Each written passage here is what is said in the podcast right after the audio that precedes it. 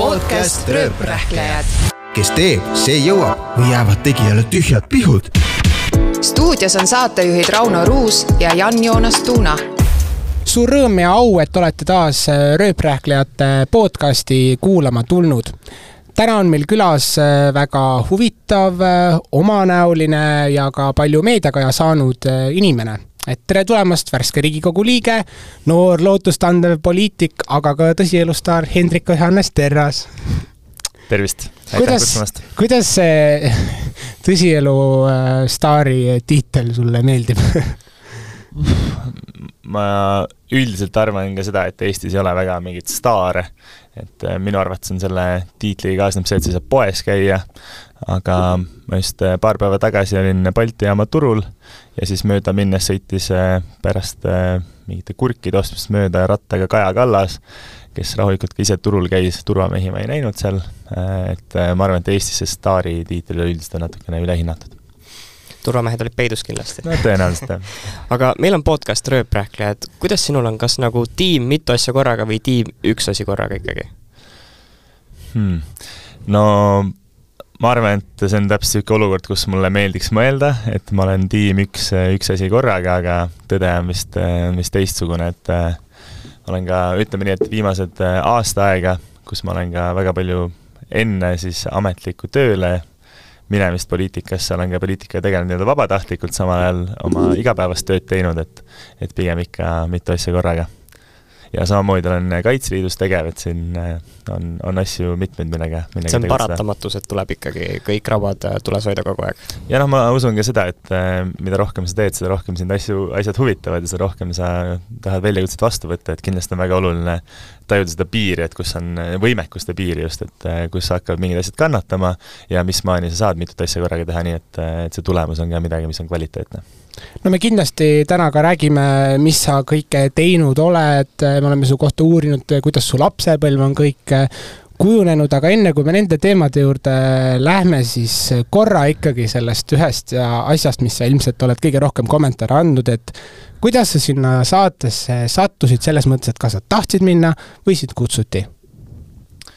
Äh, ma avaldasin ise soovi ja ma vaatasin, see oli teine see ring, tehti äh, üleskutseid ja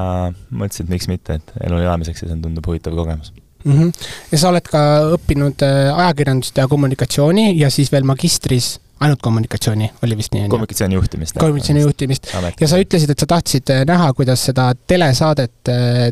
tehakse, et milline see teletöö siis on, kui sa seda niimoodi lähedalt nägid? see behind the scenes Jah. mm. -hmm. eks seal hästi palju on passimist, seda on vist ka mitmed inimesed välja toonud, et see ootamine on, on äh, nagu vaevaline, et äh,, et iga asjaga siin võtteid tehakse mitu korda ja ja no et seal on nagu huvitav, kuidas need asjad nagu kokku tulevad, kuidas neid äh, noh, inimesi mõjutatakse, kuidas äh, kogu see äh, nagu mingid kadreeringud, kuidas tehakse mingeid asju mitu korda, kui kehvasti välja tuli, et kui teeme selle stseeni uuesti, on ju, et siin võiks natukene paremini sõnastada midagi, et ja siis mängisite olukorda ka uuesti läbi kogu jaa, aeg? aeg-ajalt tuli jah, et kui näiteks keegi,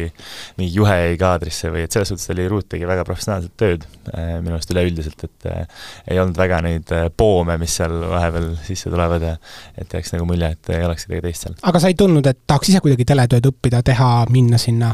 kuidagi sisse rohkem? Või et poliitika on ikka päris see sinu ei teema? noh, eks ma olin oma kursi juba enne seadnud, nii et ei tekkinud niisugust mõtet. ja, aga liigume siit siis äh, edasi sellest äh, tänapäevast natuke äh, ajast tagasi ja me mängime siia ette ühe toreda ähm, klipikese. on see klipike? väike klipike ja siis ühest raadiosaatest, Vikerraadio saatest Käbi ei kuku.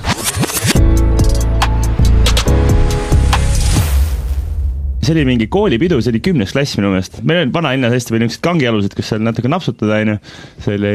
ja see oligi Rebaste peo niisugune jätk, siis läksime sinna ja siis mingi hetk läksid kõik mu sõbrad koju, aga seda ma enam nii täpselt ei, ei mäleta ka. Läksid sõbrad koju ja siis ma jäin sinna kuidagi üksi mingite tüüpidega ja siis pealtnägija ütles, et mingi hetk olime sama seltskonna pundiga seal äh, juttu rääkinud siis vist isegi ja siis äh, olid nad mingi hetk pahaseks saanud ja siis andsid tongi mulle.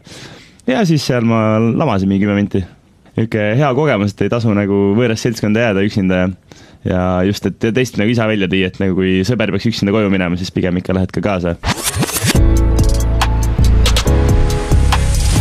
no kas selliseid lugusid äh, juhtus veel palju või tuleb võib-olla veel meelde, et taga, millele niimoodi ägedalt tagasi vaadata? kindlasti mitte ja ma arvan, et see lugu ei olnud ka, ma arvan, et see on väga oluline on sellest rääkida just, et ähm, et ka toona see mõnes nagu äh,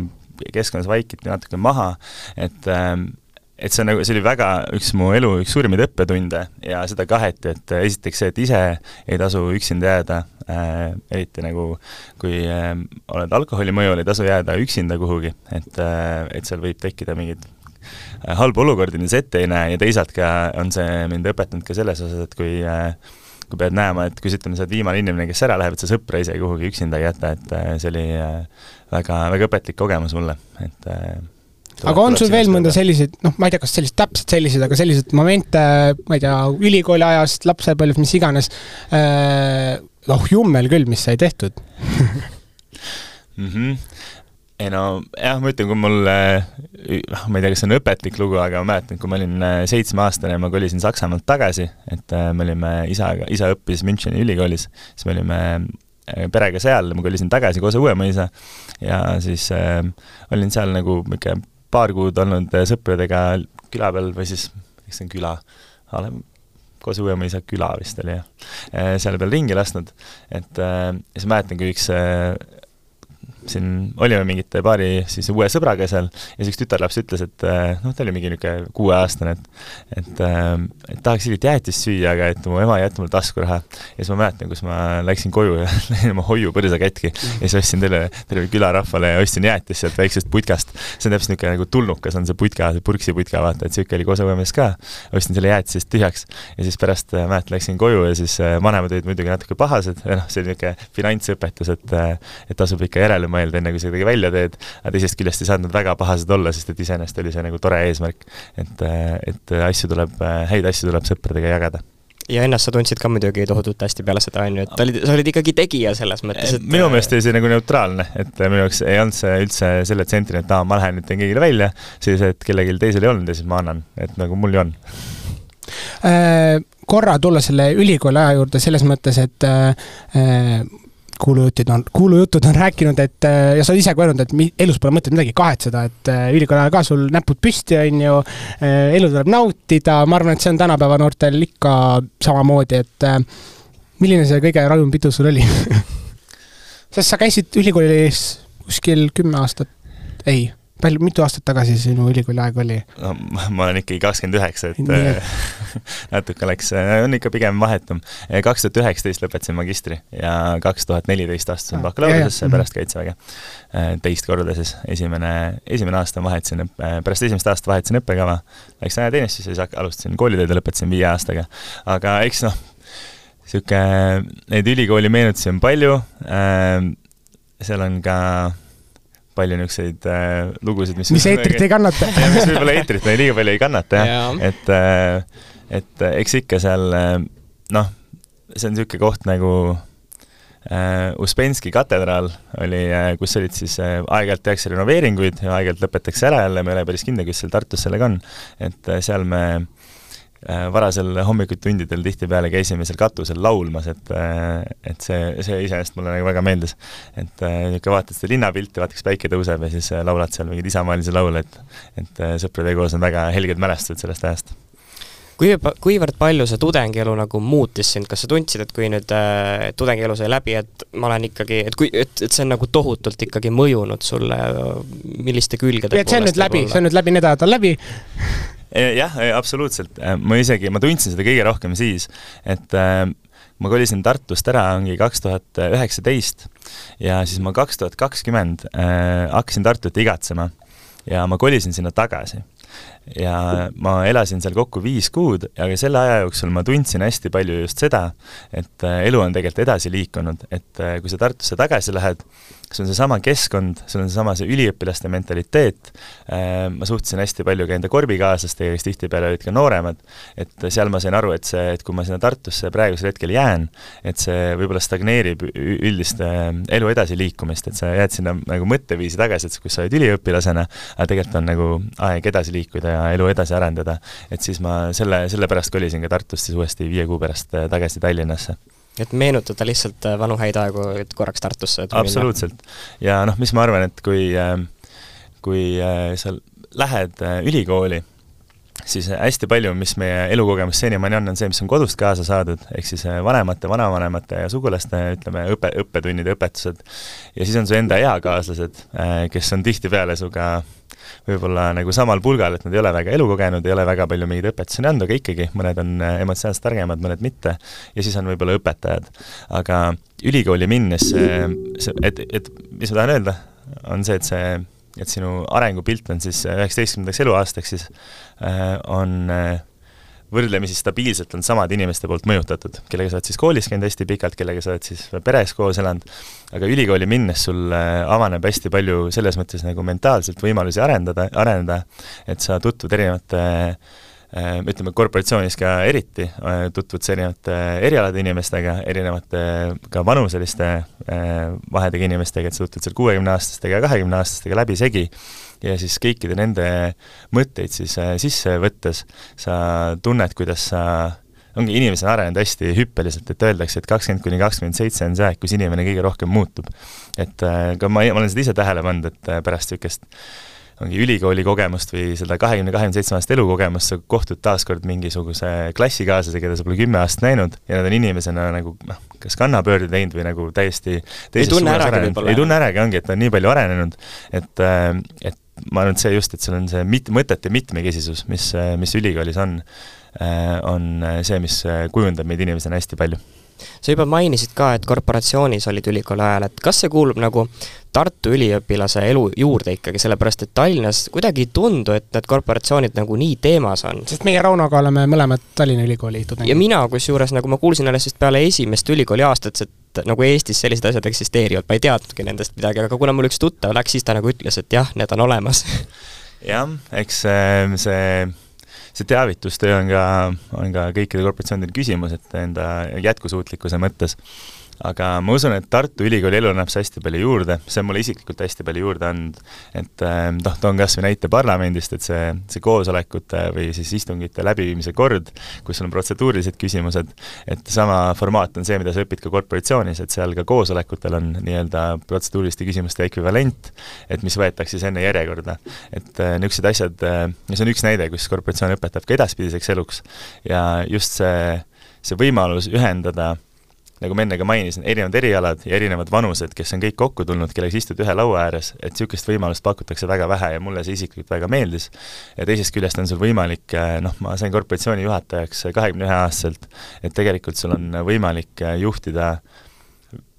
viies, peaaegu üle viiesaja liikmelist organisatsiooni kahekümne ühe aastaselt, et teha seal oma vead, tegelikult nagu midagi väga ei juhtu, kui sa seal neid vigu teed, on ju, et see ongi niisugune õpikoht. et äh, minu meelest annab see tohutult palju võimalusi, noh, ma ei hakka siin seda tutvuste perspektiivist mm. rääkima, et aga noh, see on ka hästi oluline, et sa aga kas seal oli mingi viga, mis sa tegid, sa said aru, et see oli viga, nüüd poliitikas äh, püüad seda viga vältida mm,? No, päris niisugust paralleeli ma teha ei oska, aga eks seal ikka on mingisugused äh, et mingid projektid, mis tunduvad hästi nagu äh, hästi ägedad äh, paberi peal ja siis ellu viies nagu tekivad nagu okei okay,, tegelikult see asi ei kukkunud nii välja, kui tahtsid, ja siis saad pärast korrektuure teha ja jätkata. ja toon näite, et täna kohtusime äh, IMF-iga ja siis Eesti Panga poolt oli seal üks mu korporatsioonikaaslane, istus ka laua ääres, et siis me saime pärast nagu muljetsime sellest natukene, et et et niisugust äh, kontaktibaasi on tohutult hea sealt arendada. Ja eks, ja no põhiline on muidugi, et ma näen, korporatsioonidel on kaks, äh, kaks külge, üks on see tudengielu külg, mis on siis nagu ma ütleks, kahekümne aasta inimesel peamine, et saad seal sõpru, saad, seal on jalgpallitrenn, korvpallitrenn, sa saad seal äh, söömas käia, et kokk valmistab lõunaid ette. Ja ja saad ka õlut juua siis sõpradega, on ju. et äh, kumba rohkem oli? noh, noh, eks seda õlle joomist ikka omajagu oli seal, et äh, et aga noh, see kuvand on ka see, et on ainult niisugune nagu pummeldusliit, et käiakse ainult nagu õlut, õlut joomas, aga see on see, mis nagu võib-olla noh, vääralt välja paistab, et tegelikult seal tegeletakse väga palju muuga. ja siis tagantjärgi on see teine pool, ongi see eneseareng, arenduslik külg, mida sa tegelikult ju noh, see viie aasta jooksul kõik asjad, mis omad, on hästi väiksed, aga jupphaaval nagu ehitad ennast ülesse, et äh, minu meelest on see, annab see eluks hästi palju kaasa no su isa on endine Kaitseväe juhataja ja, ja praegune Euro-, Euroopa Parlamendi saadik ja ema on sul diplomaat, et mõlemad vanemad tegelevad väga väärikate äh, ametitega, et kuidas su lapsepõlv selles mõttes möödus, et käis teil mingisuguseid prestiižseid külalisi kodus või, või olite mingis mõttes eliitpere, pere, mingisugune eeskuju? no siinkohal ma pean äh, vastu vaidlema sellele nii-öelda eliidi jutule, et äh, et mu mõlemad vanemad olid riigiametnikud ja ega nad ei alustanud seal suursaadikutena ja kaitseväe juhatajatena, et see on nagu tulnud nüüd viimase noh, siis ütleme kümne, kümne aasta lõikes on see, on see nagu sinnamaani jõudnud, et nad on valdkondade tippu jõudnud, et enne nad olid ikkagi noh, riigi, riigiametnik, noh, riigi, riigi palgal, on ju, et nagu öeldakse, et et kindlasti erasektoris oleks nagu prestiiži mõttes rohkem võimalusi olnud, aga aga nad tegid oma tööd hästi ja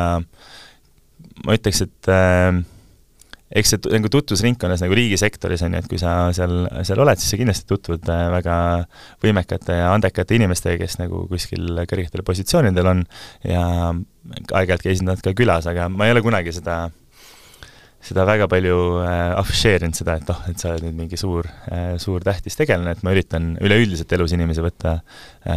eeskätt inimestena ja siis austada nende andekust ja töökust, selle asemel, et mis nagu tiitel neile või mis pagunid neile peale on pandud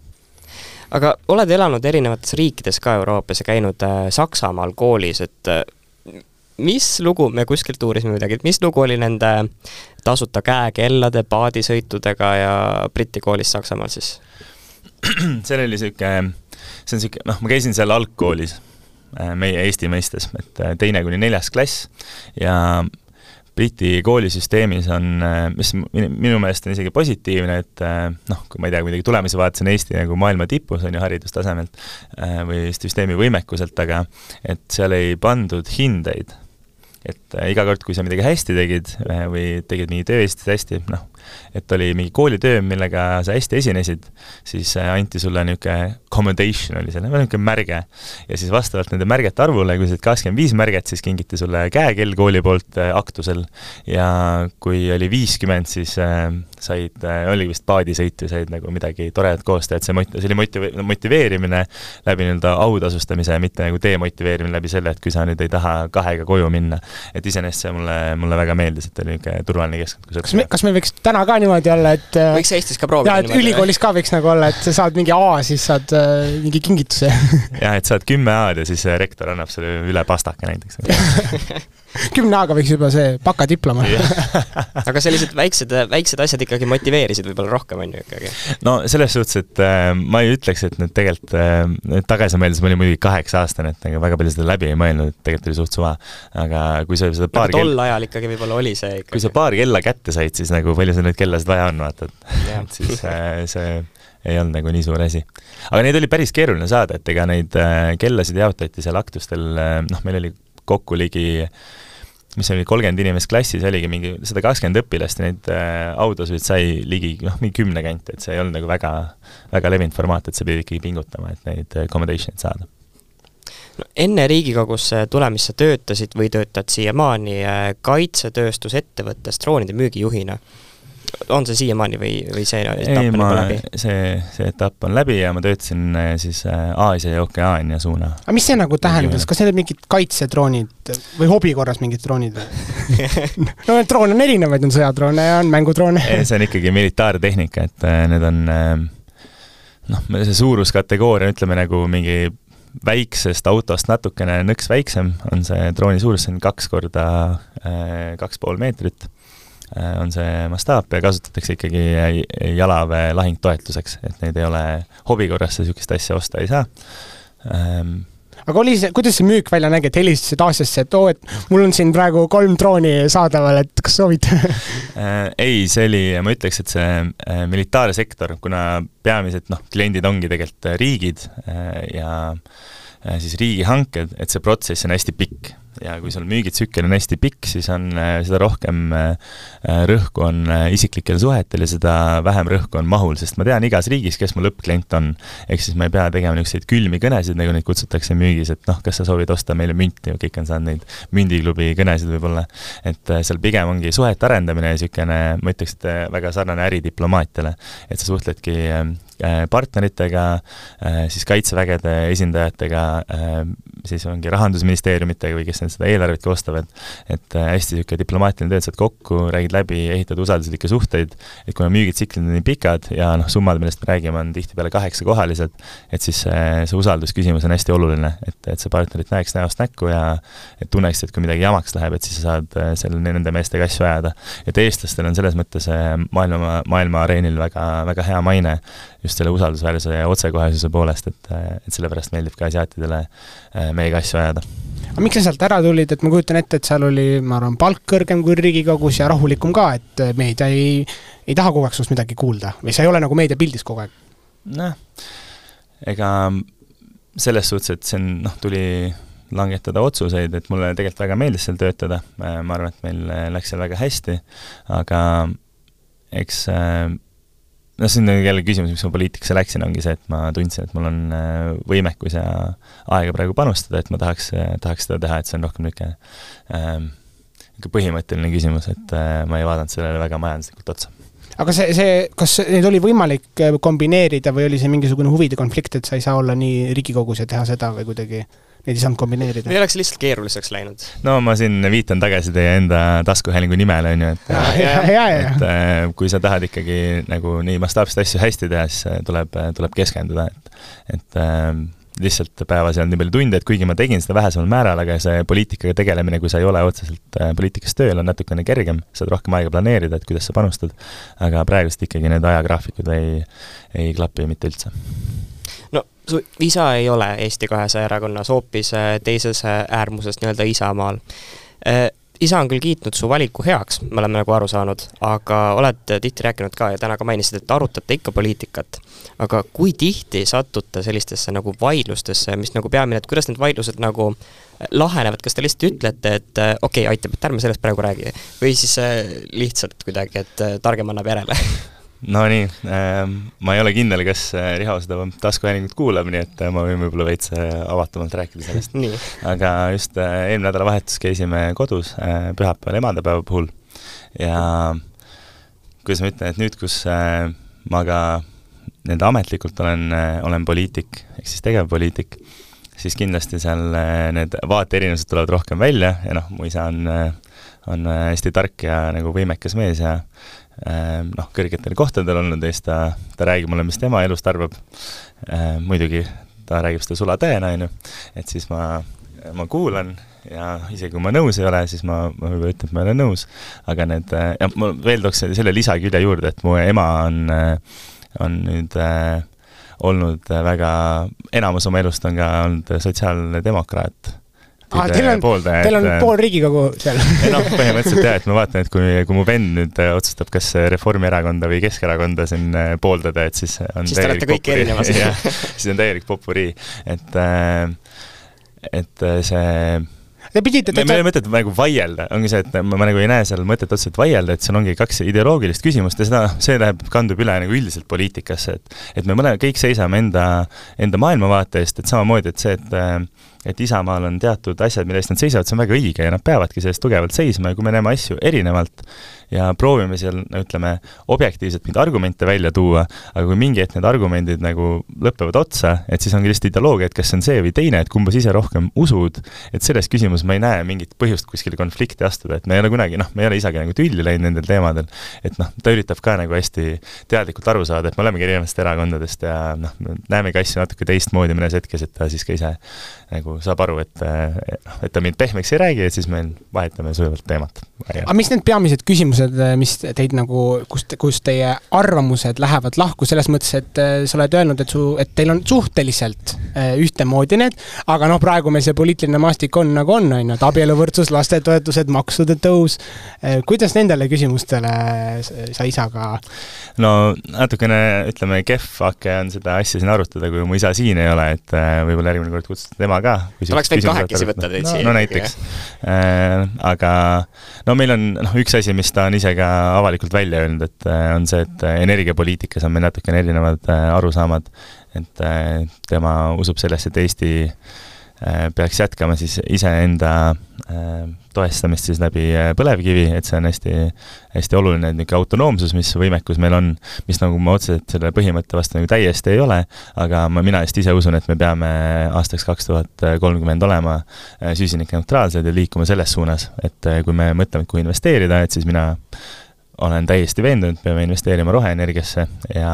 ja seda suunda arendama, et tal on võib-olla seal siis, ütleme väga viisakalt, siis mõõdukamad vaated selle osas, et kuidas meie roheenergiapoliitika peaks arenema.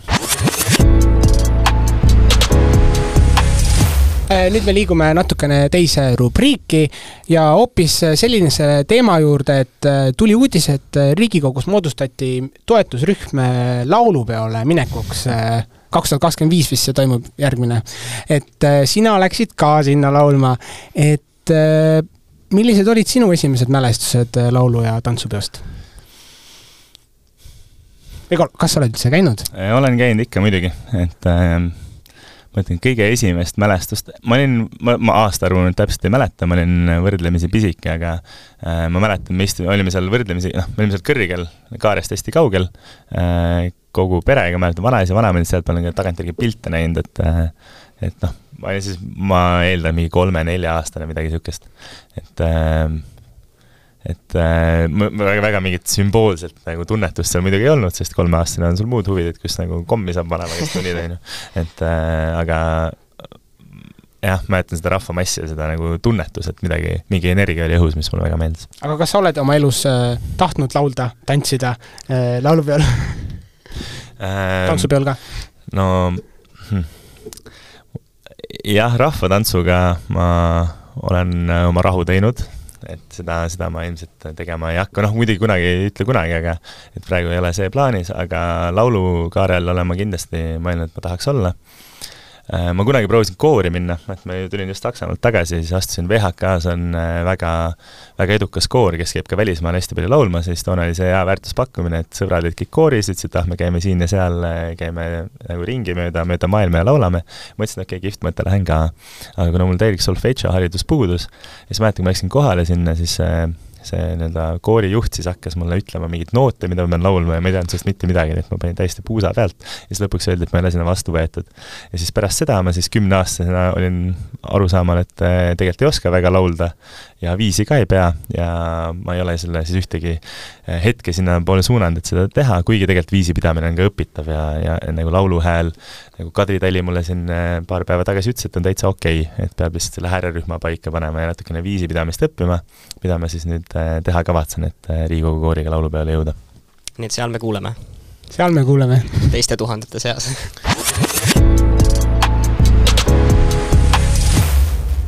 riigikogu äh, valimistel, no tulemus oli sul selline seitsmesaja, kaheksasaja kandis, et seda liigitatakse üsna nii-öelda kehvaks tulemuseks, aga kuna sa olid nagu äh, nimekirja kolmandal kohal, siis sa said sisse, et äh, kuidas, kuidas sulle endale tundub, kas sa nagu ootasid rohkem, vähem või oli see sinu jaoks suurepärane tulemus? ma ei kategoriseeriks seda üldse kehvakeseks, et äh, arvestades, et see oli mu äh, esimene Riigikogu valimine, et äh, võib tulemusega rahule jääda ja noh, seal mängis ka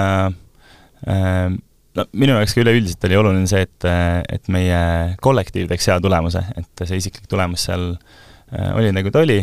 et oluline on see, et me saime nii palju mandaate, selle üle mul on väga hea meel ja meie piirkonnast ka Johanna-Maria tegi meie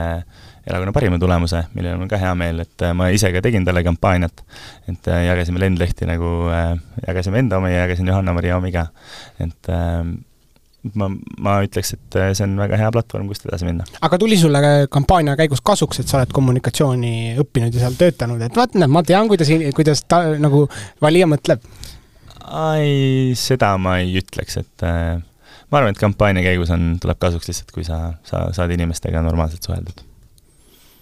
no kui tihe see Riigikogu töö siin praegu on, noh praegu no praegu on praegu on väga tihe, mulle tundub, oleneb kummalt poolt vaadata muidugi. ma, oota, ma korra küsin vahele, et mitu tundi sa täna maganud oled, kas täna nagu ka toimus midagi äh,? ei, teisipäeviti äh, on istung kella kümnest üheni okay., ehk see on piiritletud ja siis saab, äh, kui komisjon ei kesta, seal on komisjonide lõppaeg on piiramatu, et komisjon ei kesta poole ööni, siis saab hästi magada, et täna öösel olen ette valmistunud siis tänaseks õhtuks, kus on siis kolmapäeviti, on äh, siis niimoodi, et äh, istung lõpeb kas päevakorra ammendumiseni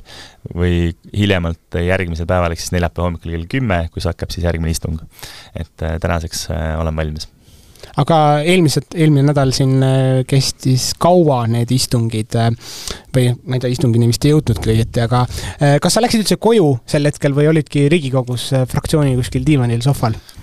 Äh, no igal Riigikogu liikmel on oma kabinet ja seal kabinetis on mul diivan-voodi, kus siis on täitsa okei okay magada, et ma ei ole kunagi pretensioonikas olnud enda asemete osas, et ma olen väga palju Aasia vahet lennanud, lennukis olen ka saanud magatud kaheksa tundi, et pole probleemi. ja samamoodi kuskil metsas äh, Kaitseväes või Kaitseliiduga äh, väljas käies, et ma, mul see magamisega väga palju probleeme ei ole ja see diivan on, on väga piisav, et mina selle pärast väga ei muretse. ja noh, mul on privileeg ka, et kuna ma olen Riigikogu üks nooremaid liikmeid, siis see unepuudus võib-olla mõjutab ka natukene vähem. aga oled näinud kõrvalt äh, mõnda teist liiget, kes täitsa ei jaksa?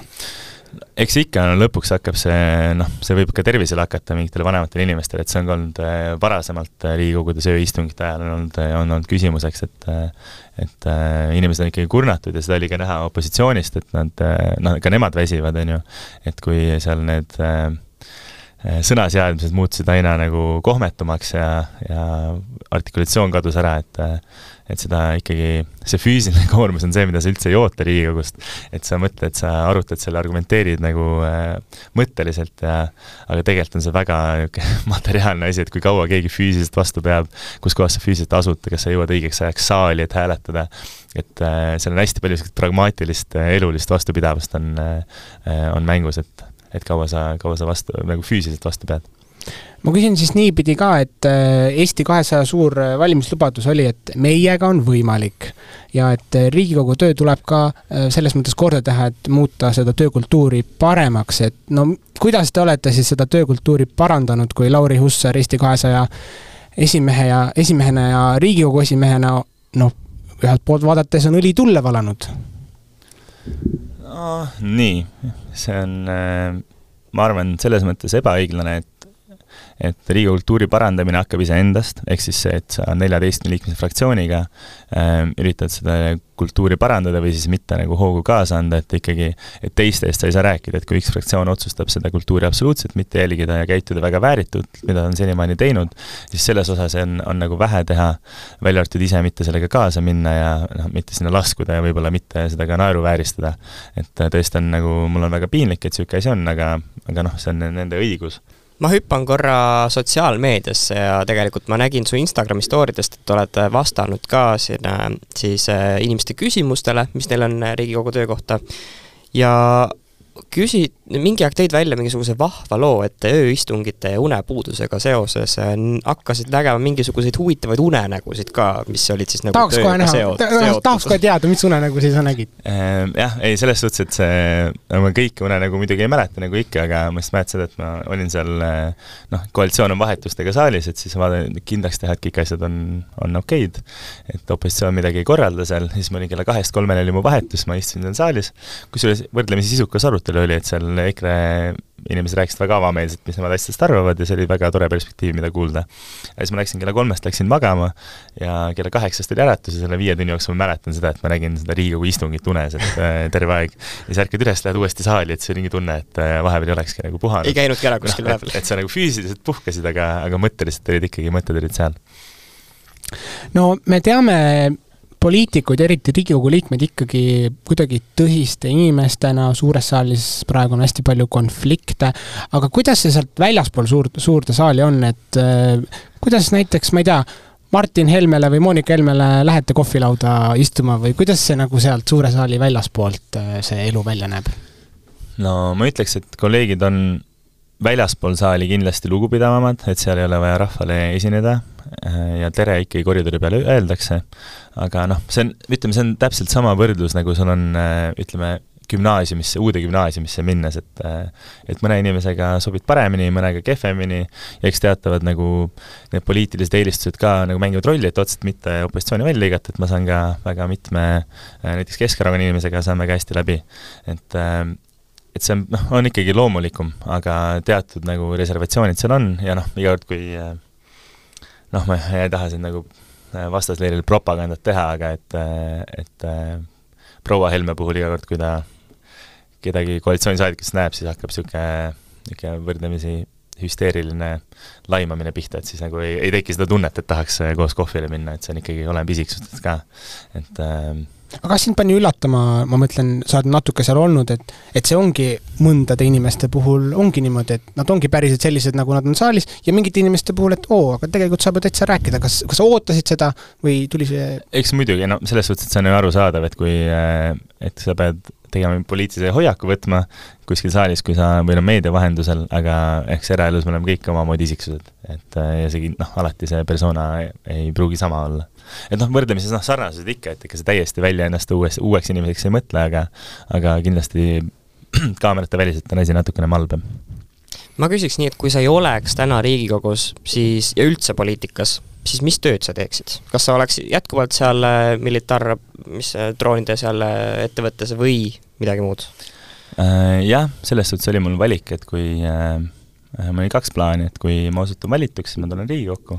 ja kui mitte, et siis ma kolin Aasiasse. et ja jätkan seal siis militaarrobootikaga